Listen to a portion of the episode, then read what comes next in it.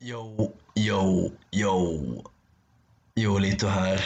Eh, som ni hör på min nedstämda ton så är det en ursäkt på gång. Vi är en vecka försenade med avsnittet. Vi spelade in förra lördagen.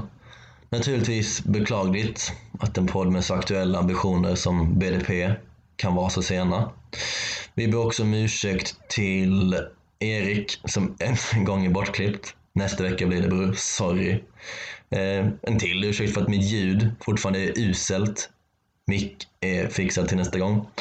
Eh, ja, ska vi fortsätta vara så här inaktuella så får vi väl ta och börja göra en podd om spanska sjukan eller böldpest eller något.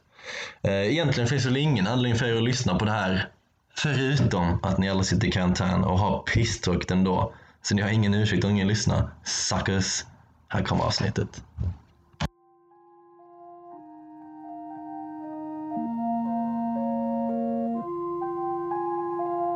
Förvirrande besked, dålig kommunikation, ointressant och mossigt. Nej, vi pratar inte om Stefan Löfvens innehållslösa presskonferens utan om förra veckans inslag av coronakommunism. Vi ber om ursäkt till alla lyssnare och ber er återigen om förståelse inför att Bondia Pandemia inte bara är ett barn av sin tid, utan fortfarande ett spädbarn. Vi är redan en vecka äldre, smartare och klokare.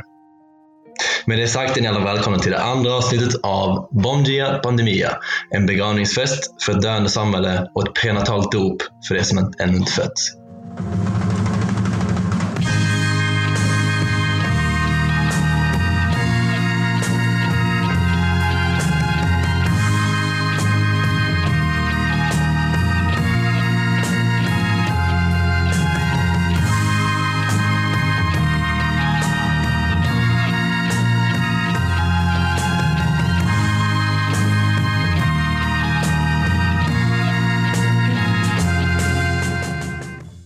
Jag kan väl säga en sak, alltså bara har hänt sen sist här.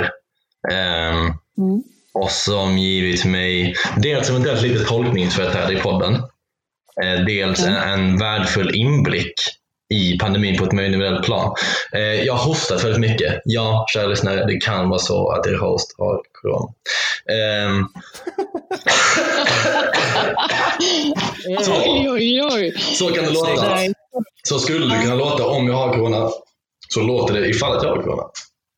Men det som det fått mig att förstå i alla fall, det är hur smutsig man känner sig eh, med symptomen. Så märkte jag att jag fick väldigt, väldigt mörka blickar i mitt kollektiv när jag började hosta. Vilket fick mig att tänka lite. För det är också så att jag varit ute lite väl mycket, lite, lite väl långa promenader tycker vissa. Du känns verkligen som en som, som kan fuska lite där. Vadå? Ja, vadå? Vad är det? Har, du, har du karantänfuskat? Är det det du erkänner nu? Alltså jag har inte fuskat, framförallt vill jag inte säga någonting som tapp, gör att jag tappar i trovärdighet som corona-tycker, politisk tyckare här. Men jag säger så här, jag har tagit lite längre promenader än vad vissa andra har gjort. Vilket då i kombination... Det känns så jävla väntat alltså. Ja, men jag gillar, jag älskar naturen, okej? Okay? Skit mig för det då. Naturen? Bor inte du i en huvudstad? Jo, men det finns parker. Det finns parker. Det har fått mig att tänka på är att det är tur att jag har Bombardier-pandemin nu när jag börjar framstå mer och mer i mina rumskamraters ögon som en person som inte tar det på allvar. För när jag då tänker mig bli dragen ut som Hector i tröja bakom en sån militärkonvoj, alltså för att statuera ett exempel, så här går det, man dör i corona, man inte bryr sig och så vidare, och så vidare. Då är det bra att de kommer hitta det här dokumentet om det är pandemi till slut. Eh, och liksom inse att så här, ah, han tog det verkligen på allvar. Lite grann som, har ni sett Änglar och Demoner? Ja. Kommer ni ihåg Stellan Skarsgårds karaktär i slutet? Nej. Okay. Man tror att han är fett ond. Man tror att han är en riktig skurk. Och så hittar de en liten videodagbok som är inspelad. Och så förstår man att han har varit en rättskaffens man hela tiden. Så tänker jag att det kan, bli för mig eventuellt. Alltså de lyssnar på Nya Pandemia, portugisiska militären kollar ner på mitt söndertrasade lik och ber om ursäkt. Liksom. de ber om ursäkt till dig?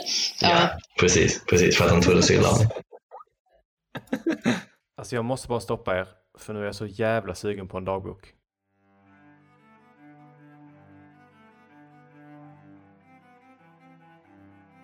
Karantändagbok, dag 9. Kära dagbok. Jag var ute och gick idag för första gången på länge. Det är varmt i Lissabon, över 20 grader. Och det som var en varm vår när karantänen började har nu gått över i vad som för en svensk måste betraktas som sommar. Blommor och fåglar, lust och fägring stor. Det var inte för intet som man drog på smilbanden när man gick med karantänstela ben på de tomma avenyerna. På Lissabons paradgata hade djurriket tagit över. Den gata som vanligtvis trafikeras av affärsmän och stressade turister var numera prime chilling spot för duvor, ankor och påfåglar. Tror det. Så många var de att hela gatan blockerades. Jag gladdes i mitt inre. Take that, antropocen, tänkte jag. Glädjen bytte snabbt ut mot förvirring när jag upptäckte att ankorna och duvorna vägrade bereda väg för mig. De människosteg som tidigare väckte rädsla hos dessa djur tycktes nu vara helt oviktiga för dem. Ankorna rörde sig inte ur fläcken. Jag vände mig vänligt mot vad som tycktes vara flockledaren bland dessa icke-mänskliga upprorsmakare och tittade denne vädjande i ögonen. Kan ni flytta er lite? sa jag vänligt med min blick. Ankan mötte min blick och dennes gulsvarta ögon talade ett tydligt språk. Stick, stick härifrån. Mitt leende falnade och jag blev osäker. Jag kan naturligtvis inte säga något med säkerhet, men det tycktes mig som att Ankan, om den hade kunnat tala till mig på människospråk, hade velat säga jag föraktar dig och det dina. Ni klarar inte ens av lite hosta. Ta på din ansiktsmask, din jävla tönt. Djuren föraktade mig, min mänskliga ras och vårt svaga immunförsvar. Jag tog osäkert och fumligt två steg åt sidan för att gå runt dessa människohatade panelister. I denna hastiga rörelse tappade jag en euro på marken. Jag var på väg för att böja mig ner för att ta upp myntet när myntet plötsligt täcktes av en stor ankfot. Livrädd tittade jag upp. Ankan tittade på mig, öppnade sin mun och sa till min stora förvåning Haha, euro! Vad ska du med det till? Förbluffad och skärrad svarade jag med skakig röst. Vadå, varför skulle, varför skulle euron ha, ha tappat i värde? Ankan log, skrattade, låste sin blick vid min och skrek för att den nyliberala modellen är död din jävla idiot. Hur många gånger ska vi behöva säga det? En referens där i slutet i tropen i förra veckans dagbok. Och kanske, kanske, även om det är pandemi inte är riktigt så kult än att det går att självreferera till tidigare avsnitt. Vi pratar tyvärr om en podd som har skickats till maximum 30 personer, av vilka kanske 20 satt på avsnitt och visar på kanske 10-12 lyssnat klart. Men, vet ni vad? Det var bara 12 personer närvarande vid Jesu sista måltid. Wu-Tang Clan skapades av tre medlemmar och förmodligen var det bara en person som var närvarande när corona först bröt ut. Så vem har sagt att man behöver vara många för att skapa ringar på vattnet?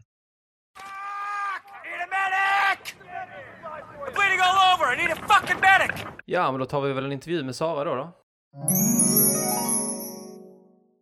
Sa det som jag ehm, tror att många inte vet, i alla fall jag visste inte, är skillnaden på, så här, alla vet att det är skillnad på virus och bakterier. Man kanske till och med vet att eh, bakterier är det man använder antibiotika mot. Men det som jag absolut inte har någon, hade någon aning om är vad, vad, är vad gör ett virus? Vad är det som händer? Hur kommer det in i kroppen? Vad gör det i kroppen? Och vad är det som gör att man dör av det? Och vad är det som gör att vi har så svårt att liksom behandla det? Så det tänkte jag att vi kan djupdyka lite i nu. Ja, men absolut. Problemet eh, med ett virus är att det inte är en stabil entitet som en bakterie är. Det är ju en encellig organism. Virus, du kan se det som en parasit som klarar till viss del att leva utanför människokroppen men behöver en värld för att kunna leva. Så det finns två olika typer av virus, behöver jag inte gå in på. Corona är ett RNA-virus, det vill säga att det är, har ett, ett halvt DNA. Eh, och vad viruset gör det är att de fäster vid olika delar av kroppen, vilket är deras specialitet. Corona fäster i luftvägarna. Och vad det gör då det är att det går in i cellerna som är som ett hölje för luftvägarna. Går in i cellen och börjar replikera sig själv. Den fyller och fyller och fyller, och fyller kroppen med sitt eget DNA. Och sen så spricker den cellen. Alltså för att det blir för mycket liksom av, det blir för mycket grejer i Precis, för den. att eh, viruset är också specialiserat på att ta sig ut. När den är nöjd med vad den har gjort och hur mycket den har producerat så eh, vill det ut ur den cellen för att kunna göra det här på, en, på ett nytt ställe. Aha, är det då den går sönder? Alltså går den sönder av att viruset tar sig ut eller går den sönder för att det blir för Precis. mycket? Den, den går sönder. Dels går det sönder för att viruset tar sig ut och dels går det sönder för att kroppens, eh, eller den cellens egen funktion, som till exempel i luftvägarna, dens funktion är att, liksom hålla tätt och rensa. Om du får in till exempel rök, tobak eh, in i, i cellen så, så dens uppgift är att, att, att rensa ut det ut ur luftvägarna igen. kämpa Det, med du kan inte, Om det är rök, kämpa. Exakt, och den, den kan inte göra det längre. Och om du röker så skadar cellen av det också. Viruset då tar sig ut ur cellen så skadar det cellväggen och då dör den cellen. Det är en sak som, som skadar organet.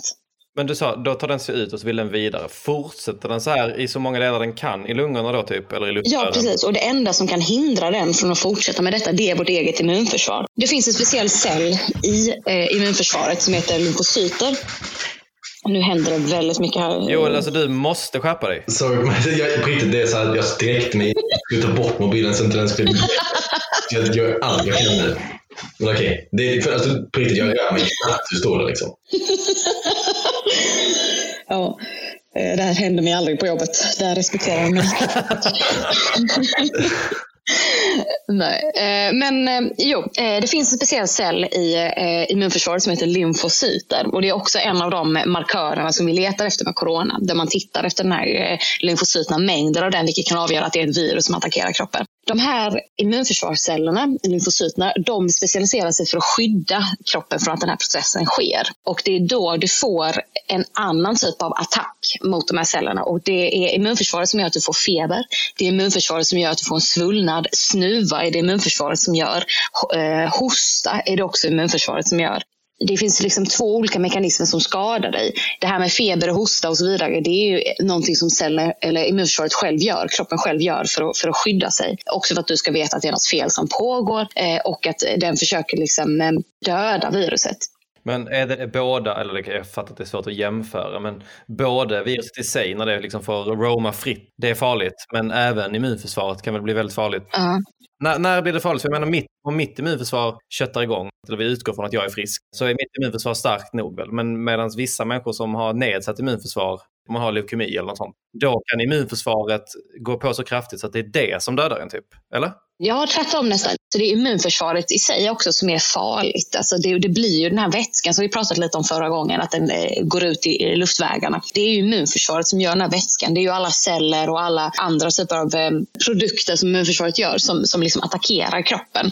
Den försöker ju få bort den här eh, parasiten som, har, som har, håller på att skada dig. Men om du är, har ett nedsatt immunförsvar, till exempel om du har leukemi, haft en hjärtinfarkt, har en, en kronisk obstruktiv lungsjukdom, då så har du inte samma möjlighet att attackera det här viruset. Så det så skadar viruset dig. Aha, så immunförsvaret är bara sämre liksom? Ja, men, eh, ja, eller immunförsvaret försöker liksom attackera det här och döda. Alltså successivt så försvinner ju febern och så försvinner det här med hostan och så vidare. För att då har immunförsvaret jobbat färdigt. Men om du inte ens, ens har förmågan att skapa feber, att eh, hosta, då så kommer du aldrig läka ut det här viruset. Utan det kommer, viruset går vidare från cell till cell till cell till cell och attackerar dig. Är det därför folk som har sådana sjukdomar dör eh, lättare än typ Ja, de har inte förmågan. Ja, och eh, folk som, som röker då, eh, som är, är 99,999 procent av alla människor som har kronisk lungsjukdom, eh, är gamla rökare. Och de har ju inte, alltså deras luftvägar är helt förstörda också från början. Jag tycker vi Så lämnar det, det det finns inte ens den förmågan. En sekund bara. Men där har de inte ens den förmågan att cellerna eh, liksom kan skydda sig på något sätt. En fråga på eller instick. Nu har man ju läst så mycket om alla, alla tiders olika möjliga pandemier. Så visst var det det som hände tydligen då i den här spanska sjukan, att hela inte de flesta dödsoffren var unga vuxna, var just för att deras immunförsvar attackerade för drastiskt eller för hårt. Eh, nej men så är det och det, det, det farligaste för dig är immunförsvaret. Så när vi behandlar mot eh, eh, vad heter det, corona. Vi kan ju inte behandla viruset för det kan man inte. Utan det vi behandlar det är sym eh, symptomen. Vilket är feber, vilket är hosta, vilket är eh, svullnad i luftvägarna, vätska i luftvägarna. Så vi behandlar ju ditt immunförsvar, vi attackerar ju det. Så man kan, kan man säga lite som att ni liksom ser till att mitt immunförsvar kan göra det som det behöver? Alltså vi, ja men precis, alltså vi försöker ju liksom hämma eh, immunförsvaret. För det är det enda vi kan göra. Vi har inget annat. Eh, och immunförsvaret är ju det som till slut dödar dig. Till exempel i aids och i influensa, då, eller i hiv då när det blir aids och influensa så är det ju immunförsvaret som dödar dig. Men det är ju viruset som, som framkallar de här processerna för att kroppen försöker skydda sig själv. Men om inte immunförsvaret hade gjort ett skit så hade jag dött av viruset va? Ja, då dör du ju av viruset. Ja. Ska vi- bara, innan vi som inte bara glider in på bara immunförsvaret. Vi kan väl som är som så att det är fortfarande inte läge för Bombardier Pandemia att gå in med ett pressmeddelande till alla unga barn där ute och be dem sluta äta grönsaker och C-vitamin. nej, alltså nej, det är inte dags. Nej, det är inte dags. Det Jag kan säga till när det är dags. var bra. Det var bra, det var bra. Om vi lämnar den medicinska dimensionen i sig bara för en sekund och riktar luppen lite mot er personalen, ni som är i vården. Mm. En sak jag har tänkt på efter att man läst vittnesmål från Italien och så vidare om folk som har men mer eller mindre drabbats av, inte diagnostiserad PTSD, men som lider väldigt mycket av det liksom kollektiva traumat som det är där. Hur, vad finns det för beredskap vad gäller möjlighet att prata med, med professionella terapi och så vidare för er? Är det någonting som har kommunicerats? Inte överhuvudtaget faktiskt. Det är mycket intressant att ta upp det. Jag tror inte det finns någon beredskap överhuvudtaget. Eh, och det är ett eh, svart hål i den svenska sjukvården redan. Om ni vill ha lite rön från vad de håller på med och fundera på.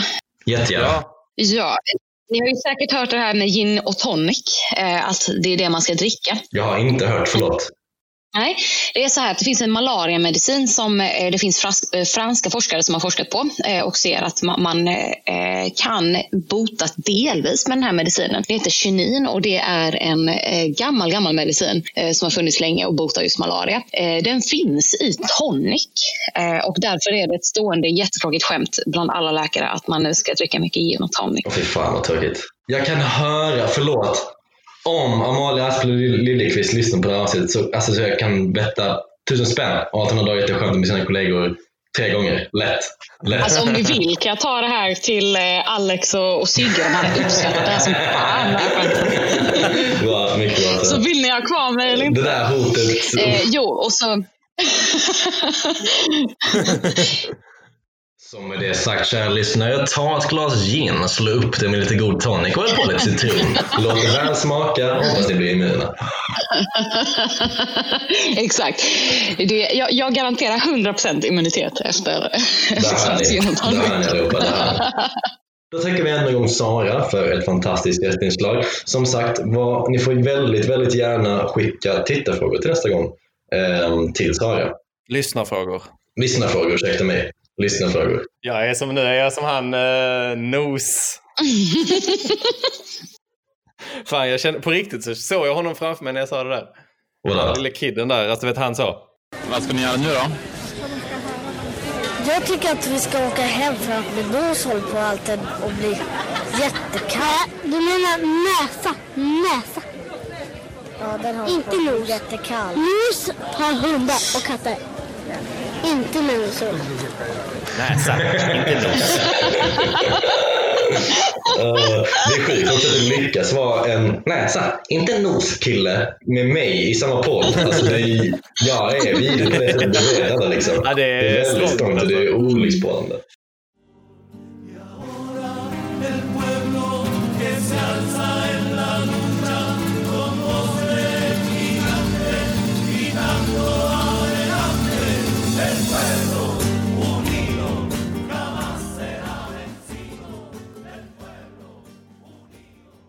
Coronakommunism. Coronakommunismo. Coronakommunism. Alltså, lätt inte.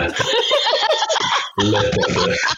Men, men med det sagt så kanske vi rör oss mot coronakommunismen eller? Den röda gryningen som vi ser på horisonten. Ja. Nu är det då nya heta coronakommunismen, coronakommunismen 2.0, som har växt upp ifrån det som Lenin kallade barnsjukdomar. Vi är inga leninister i den här podden, men det är ett bra citat. Jag kan säga att den här gången kommer nyhetssvepet ha ett litet extra fokus på bostadspolitiken. Varför är bostadspolitiken viktig? Jo, för det första för att rätten till bostad just nu är intimt sammanlänkad med rätten till hälsa. Utan ett hem så är det jävligt svårt att tvätta händer. Utan fyra väggar och ett tak är det omöjligt att isolera sig och respektera karantänen. För det andra, för att rätten till bostad, som en erkänd rättighet i FNs deklaration om de mänskliga rättigheterna, inte respekteras, har alltid varit en stor skam och ett symptom på kapitalismens oförmåga att garantera värdiga förutsättningar för mänskligt liv. För det tredje, för att bostadsmarknaden länge har utgjort den kanske viktigaste bulten i finanssfärens ökade omfattning. För det fjärde så utgör coronakrisen ett utmärkt tillfälle att rätta till saker som var fel från allra första början. Med det sagt så går vi in på nyhetssvepet. Vi nämnde i förra veckan hur Macron i Frankrike stoppat både hyror och amorteringar. På nationell nivå har ingen följt i spåren, men flera delstater och städer runt om i världen har i veckan kopierat liknande åtgärder. I ett par amerikanska delstater är hyror frysta fram till sommaren. Lissabon har frusit hyror för hela den allmännyttiga bostadsstocken, vilket utgör en väldigt liten del ska tilläggas. Flera länder har förbjudit vräkningar fram till sommaren, en åtgärd som med stor sannolikhet kommer förlängas och kopiera en rad länder. Sverige har ännu inte följt samma spår. De har alltså inte stoppat vräkningar, vilket Bond via pandemier tycker är pinsamt. Hyresstrejker breder just nu ut sig över hela Nordamerika. Eh, från Toronto bland annat sprids det bilder på hur grannar håller strejkmöten från sina balkonger. Om Dia gillar. På flera ställen runt om i världen ses nu möjligheten över för att kunna expropriera hotell och använda dem som härbärgen för hemlösning. En lösning som vi i BDP, om nya pandemia, tycker borde vara helt självklar. Inte bara ur folkhälsosynpunkt, utan för att vi som samhällen aldrig borde acceptera hemlöshet från första början. I London bokade den övrigt tandlöse, alltså han har tänder, men han är ju helt mesig, borgmästaren Sadiq Khan 300 rum, vilket såklart är på tok för liten siffra, men det är en start i alla fall. Om det är pandemi, jag tycker slutligen att debatten borde lyftas mer i Sverige eftersom att vi har en skamlös situation och hade det redan innan corona kom. År 2017 fanns det 33 000 hemlösa i Sverige enligt en rapport från Socialstyrelsen. Sett till andelen befolkning är detta tredje högst i Europa. Det kan jämföras med 6 000 i Danmark, 7 000 i Finland samma år och Norge 4 000 hemlösa. Även i jämförelse med sydeuropeiska länder är Sveriges siffra pinsam. Italien hade år 2017 cirka 50 000 hemlösa och då ska vi ta in att Italien har en sex gånger så stor befolkning som Sverige. Portugal, som har en lika stor befolkning som Sverige, har cirka 3 000 hemlösa. Sverige har alltså tio gånger så mycket.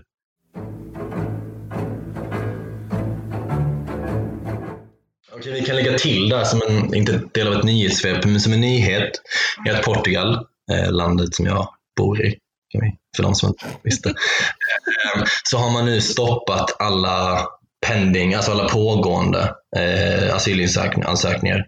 Eller för immigrantes pedidos pendentes, jag vet inte, för alla typer av invandringsprocesser så har man nu pausat och godkänt dem. Så alla som vill komma till Portugal som var uppe i en process där deras ärende testas har nu godkänts. Men har de, jaha, men det är ju inte pausat. De har alltså godkänt dem. Ja, de har godkänt. Det är helt sjukt. Det känns inte alls som att eh, vi håller på med något liknande här. Skojar eller bror? Skojar du eller bror? Alltså, vi är så jäkla efter det här landet med allt. Alltså. Jävla politiskt u-land alltså. Och sen då, har, det man vill fråga sig bortom allt det finstulta, har utvisningar slu- avslutats? Och där är svaret, Migrationsverket arbetar endast med självmant återvändande och fortsätter att arbeta med verkställighet av utvisningar i den mån det går. De hämtar liksom inte hem eh, folk i Peru och så här, men de, de åker och liksom skickar ut folk med plan istället. Ja, exakt. Ja, alltså, jag, inte jag bara, och det här självmant återvändande, förlåt, det måste man kunna googla så att bara vänta. Ja, Okej, återvända självmant, wow, vilket maktspråk. Innebär att du samarbetar för att återvända. Så helt enkelt, om man bara inte gör allt, om man inte, att man inte gömmer sig, att man dyker upp där. Men tiden får det låta som att man vill åka hem. Ja.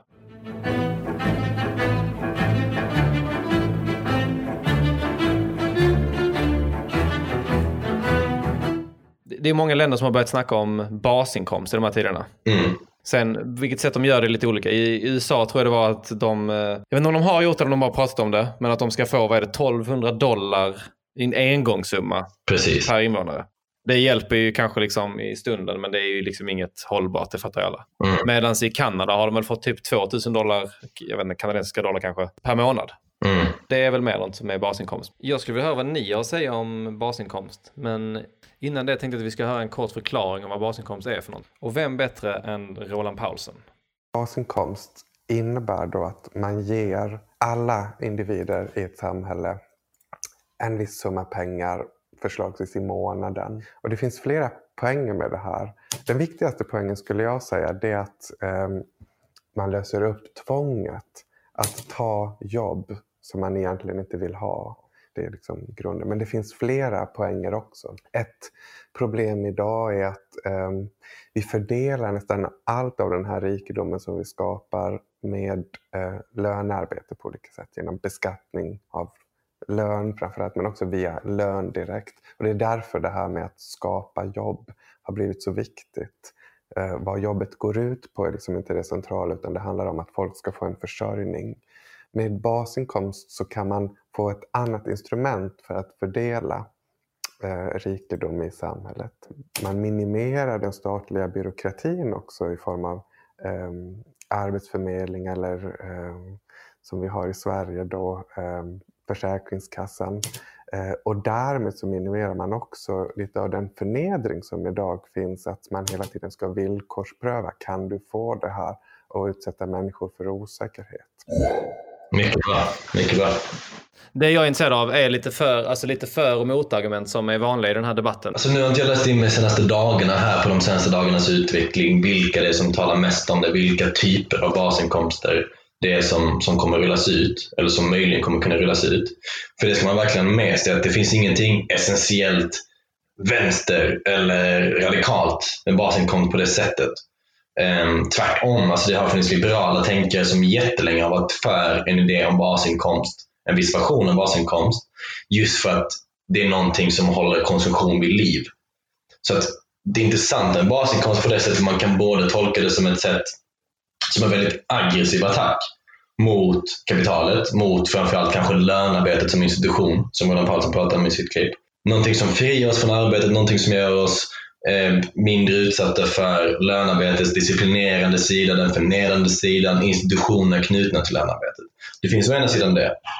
Eh, det finns å andra sidan en helt annan tolkning som är att det liksom i allra högsta grad är en status quo-åtgärd. Alltså någonting man gör för att bara hålla systemet vid liv. Hålla skiten vid liv genom konsumtion. Vilket ju förmodligen kommer vara det största existensberättigandet för införandet i, i coronas tidevarv. Gör det det till en dålig åtgärd nödvändigtvis? Nej, det tycker inte jag i alla fall. Men det beror helt på hur den lanseras. Um, så det är väl det politiska svaret. Sen ekonomiskt vågar jag inte uttala mig. Alltså där skulle jag kunna tänka så här att det är klart att en basinkomst kommer ur någon krass ekonomisk synpunkt vara nödvändig i vissa länder. Men om man har en ganska relativt stillastående produktion så är frågan hur mycket liksom en dopad konsumtion genom basinkomst gör om folk ändå bara i högsta grad, eller om folk ändå bara främst konsumerar liksom essentiella varor. Mat. Ja, precis. Just nu hjälper inte det att få igång ekonomin på det sättet. Exakt, och sen så vet vi för lite om hur det kommer att se ut om ett halvår eller om ens en månad. Ekonomiskt har jag för lite kunskap och vågar heller inte spekulera om hur situationen är om en månad. Liksom. Nej, men skulle man kunna säga nästan, precis som du sa lite, att det varit en liberal tanke länge också. Är vi lite lättlurade med det här med basinkomst? Kommer det verkligen gynna oss eller är det bara för att kapitalismen ska frodas? Nej, alltså det är en jätterelevant fråga och som inte jag har något svar på i alla fall. Att jag tror att det beror helt och hållet på hur den levereras, också vad den ersätter. Ersätter den vissa typer av kritiska bidrag? Ja, eller andra typer av a-kassa eller vad det nu kan vara. Då kan det till och med kunna vara en, en, en destruktiv åtgärd. Liksom.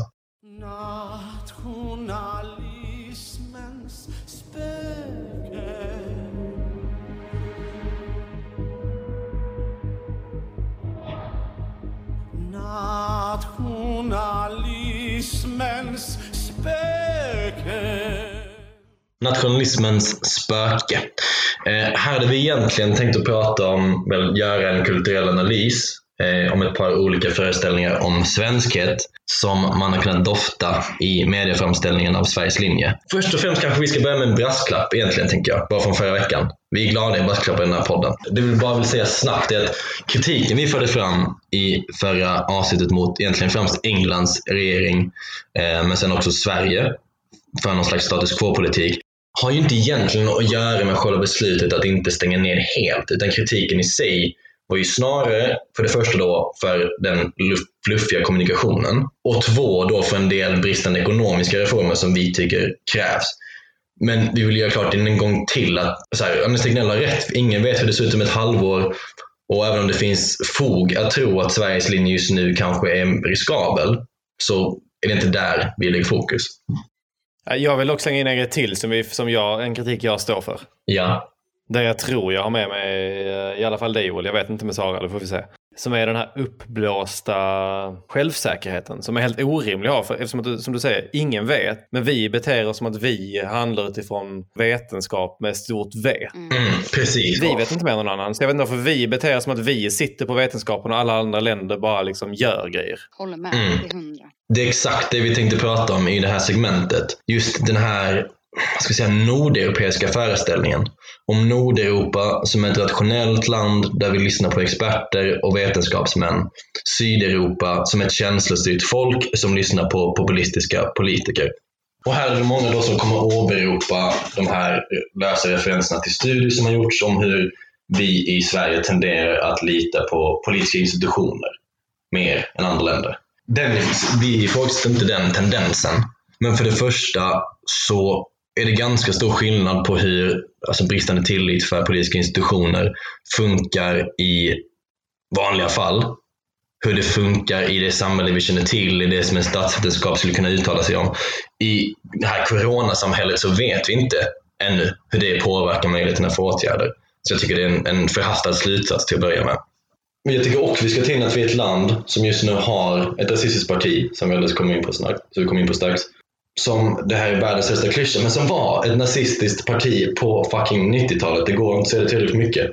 De är största partiet i vissa opinionsmätningar just nu.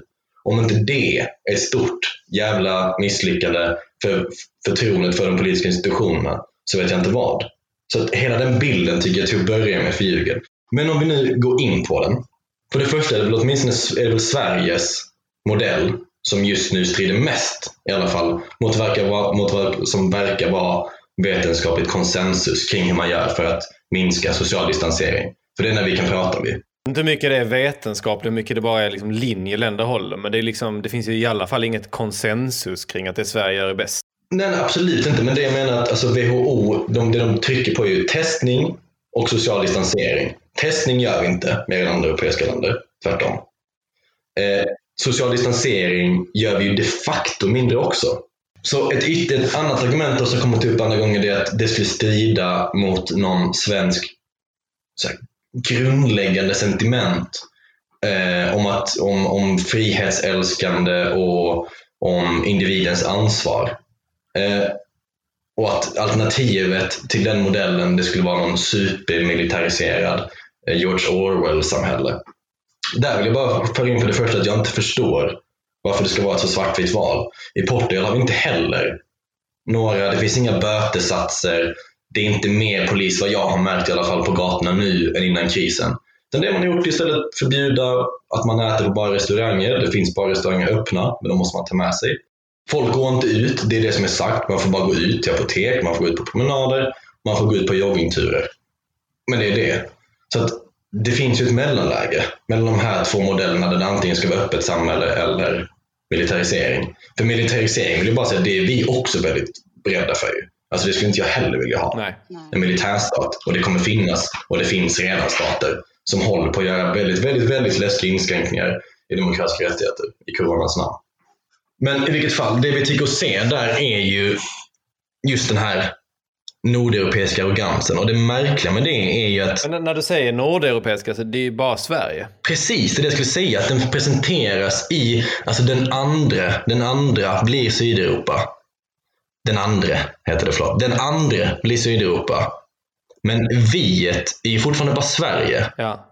Och det är där jag inte förstår hur man kan fortsätta, hur den, hur den liksom, tanken kan fortsätta genomsyra debatten som har gjort nu, om folk vill ha exakta referenser till en artikel från Norrköpings, Korren heter den väl, och en från Göteborgs-Posten jag tänker på specifikt som jag läste idag. Kan skriva till mig privat så får nog skicka det.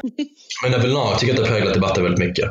Och den förstår inte jag hur den kan överleva samtidigt som våra skandinaviska grannländer har gått på en rakt motsatt linje. Ja, men jag tror de lever mycket på det här med att du vet, de gick ju ut, de här epidemiologerna, i, om det var i Danmark eller Norge eller båda två, gick ut och sa att ja, de, de har inte följt vår linje utan de har liksom tagit det här beslutet politiskt. Mm. Det känns som att allting eh, backas upp med att de har tydligen liksom gjort den brasklappen. Ja, och det där tycker jag har öppnat upp för en till tendens som inte jag gillar alls. Och det är det här att, alltså det finns ju överallt, men jag tycker i ännu högre grad i Sverige. Man ser det på allt från ståuppkomiker till Twitter till debattinlägg i tidningar. Om hur det liksom här, sätt ner nu, håll käften, låt experterna prata. Vilket är en superrimlig reaktion på allting som rör kritik direkt mot Anders Tegnell bara. Men som inte är en lika rimlig kritik när det kommer till kritiska frågor kring den politiska hanteringen. För att det, det måste vara klart, det kommer aldrig kunna bli en bara medicinsk katastrof det här. Det har från första början varit någonting som är påverkat av Eh, vissa typer av jordbrukspraktiker, globalisering, urbanisering och så vidare. Helt enkelt mänskligt skapade problem, sociala problem, sociala fenomen, saker som vi skapar politiskt. Och den politiska dimensionen kan aldrig bli någonting som experter bara får uttala sig om. Då har vi ingen demokrati. Nej, men jag tycker inte bara det heller. Alltså jag, jag håller helt med dig. Men också så här, jag, jag såg, det var ju ett par forskare och ja, vad fan det nu var, allt möjligt, som gick ihop och skrev liksom en, um, en text undertecknad av flera stycken. Så här framstående, det var epidemiologer, det var professorer på Karolinska institutet, det var docenter i riskhantering, legitimerade läkare. Ja, helt enkelt en stor skara människor som gick ihop och ifrågasatte hur Sverige eh, beter sig nu. För de menar att vi har ingen aning om vad de baserar sina beslut på. De snackar om den här eh, vetenskapen. Mm. Men de ställer sig frågan till det. Men framförallt ställer de sig frågan till att de inte redovisar vad det är för data de gör det här utifrån. Mm. Mm. Så att även om man liksom, så här, de ska väl få ta de besluten de vill, men typ i Storbritannien så redovisar de hela tiden vilken data de utgår från när de gör sina beslut. Det gör vi inte här, utan vi får helt enkelt bara lita på att, nu är Anders Tegnell ansiktet utåt, men han och hans gäng gör rätt. Men vi har liksom, ingen i Sverige vet vad de utgår ifrån. Och det tycker jag också man verkligen kan liksom kräva att de ska göra. Alltså det enda de kan utgå ifrån det är ju andra länders eh, alltså forskning. Det finns ju inget annat att utgå ifrån. Alltså, vad, vad skulle det vara? Vad, vad, tror ni att det annars är som man utgår ifrån? Liksom? Exakt, exakt. Och det, alltså det är jag, alltså så här, datan, jag håller med dig Tobbe, men på ett sätt så här, medicinsk data kommer inte jag kunna heller säga någonting om även om jag får den presenterad för mig eller inte. Men jag håller med. Där, och där, så där, på något sätt tycker jag den tunn. Ja, men de snackar inte bara om datorn. De säger vi vill, precis som fallet är med ECDC och Storbritannien, att information om mått och steg som tas emot meddelas mot en bakgrund av fakta och prognos samt redovisning av utfallen och de epidemiologiska metoder och antaganden som Fol Folkhälsomyndigheten använder när åtgärder implementeras. Alltså de vill veta vad är det de baserar sina grejer på. Det tycker inte jag alls är orimligt. Det köper jag. Det köper jag. Och där tycker jag, alltså det som har upprepats nu sista dagarna är det att Sveriges kurva ser bra ut jämförelse med var Spanien och Italien låg, alltså motsvarande då under samma tid, samma skede. Eh, och, och, det är skitbra grejer. Men ett par saker man ska lägga till där tycker jag, som är viktiga att lägga till just eftersom att vi har slutat testa annat än i behandlingssyfte. Därför är dödstalen och antal människor i kritisk vård, det är den där egentliga indikatorn vi har just nu. Och lite bakgrundsstatistik som jag tagit fram, som jag tycker är bra att ha med sig eh, och som jag förvånas över att den inte tagits upp i andra mediekanaler, vad jag har sett i alla fall, eh, kommer här. Jag ska säga att det är källor på, från WHOs databas, Statistiska centralbyrån och Eurostat, alltså EUs egna statistikorgan. Då kan vi börja då, rökning Eh, där Sverige ligger lägst i hela EU, ligger på runt 7 procent. Medan länder som Italien, Spanien går upp mot 30. Jag tror Spanien och Italien är runt 20 någonstans. Eh, andra länder i Sydeuropa går upp till 30. Diabetes, alltså då, vad heter det så här, komorbiditeterna, komorbiditeterna. Mm. Det är helt enkelt, alltså morbiditet är ju en sjukdom. Så det är comorbidities, alltså medsjuklighet. Precis. Där vi har Sverige på runt 7 procent, vilket är absolut inte är uppseendeväckande lågt. Men det är lägre än vad det är exempelvis Italien, eller förlåt, Portugal som ligger på 14 procent och andra sydeuropeiska länder som ligger runt 10. Eh, vi kan titta på demografi där Sverige är absolut inte bland de yngsta länderna men har betydligt lägre gammal befolkning och gammal räknar vi då från 65 än Italien, Spanien exempelvis. Och vi har ganska kraftigt mycket lägre befolkning över 80 om vi jämför med Italien. En sista vi kan också, som man kan lägga till där, det är eh, tätbefolkning som ju inte är, påverkar i första hand dödligheten men som i allra högsta grad påverkar smittorisken. Och där är Sverige fjärde lägst tätbefolkat i hela Europa. Givetvis då att det är Norrland som spelar in mycket där och att det fortfarande är relativt tätbefolkat kring Stockholmsområdet. Västra Götaland och Skåne där vi också sett de allra första smittofallen. Men ändå, det är någonting att ha med sig tycker jag, när man ska recensera den här modellen. Med det sagt, tänker jag att det du vill ha sagt är att vi kan inte jämföra oss med Spanien och Italien. Eller det vore dumt. För, alltså, att vi har en annan kurva än dem borde liksom vara, vi ska inte sträva efter att liksom vara lite bättre än dem, utan vi borde vara mycket bättre med tanke på de här grejerna. Väldigt bra input kollegan. Exakt så jag menar. Exakt så jag menar. Ett litet ord från producenten. Utöver samtalen med våra gäster Erik och Johan hade vi faktiskt ännu mer material inspelat den här gången. Men på grund av att det tagit så otroligt lång tid att klippa detta avsnittet och för att jag vill ha i alla fall lite livsenergi kvar även efter har jag behövt ta det mycket tuffa beslutet att lyfta bort de sektionerna från det här avsnittet också. Jag ber så mycket om ursäkt för detta.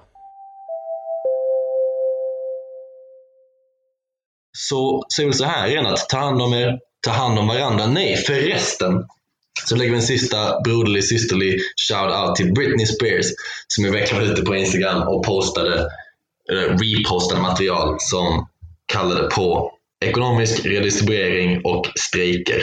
We love you Britney. Oops, you just did it again. Med det sagt, ta hand om er, ta hand om varandra. Kärlek, empati och smittofria omfamningar till alla. Ciao gente!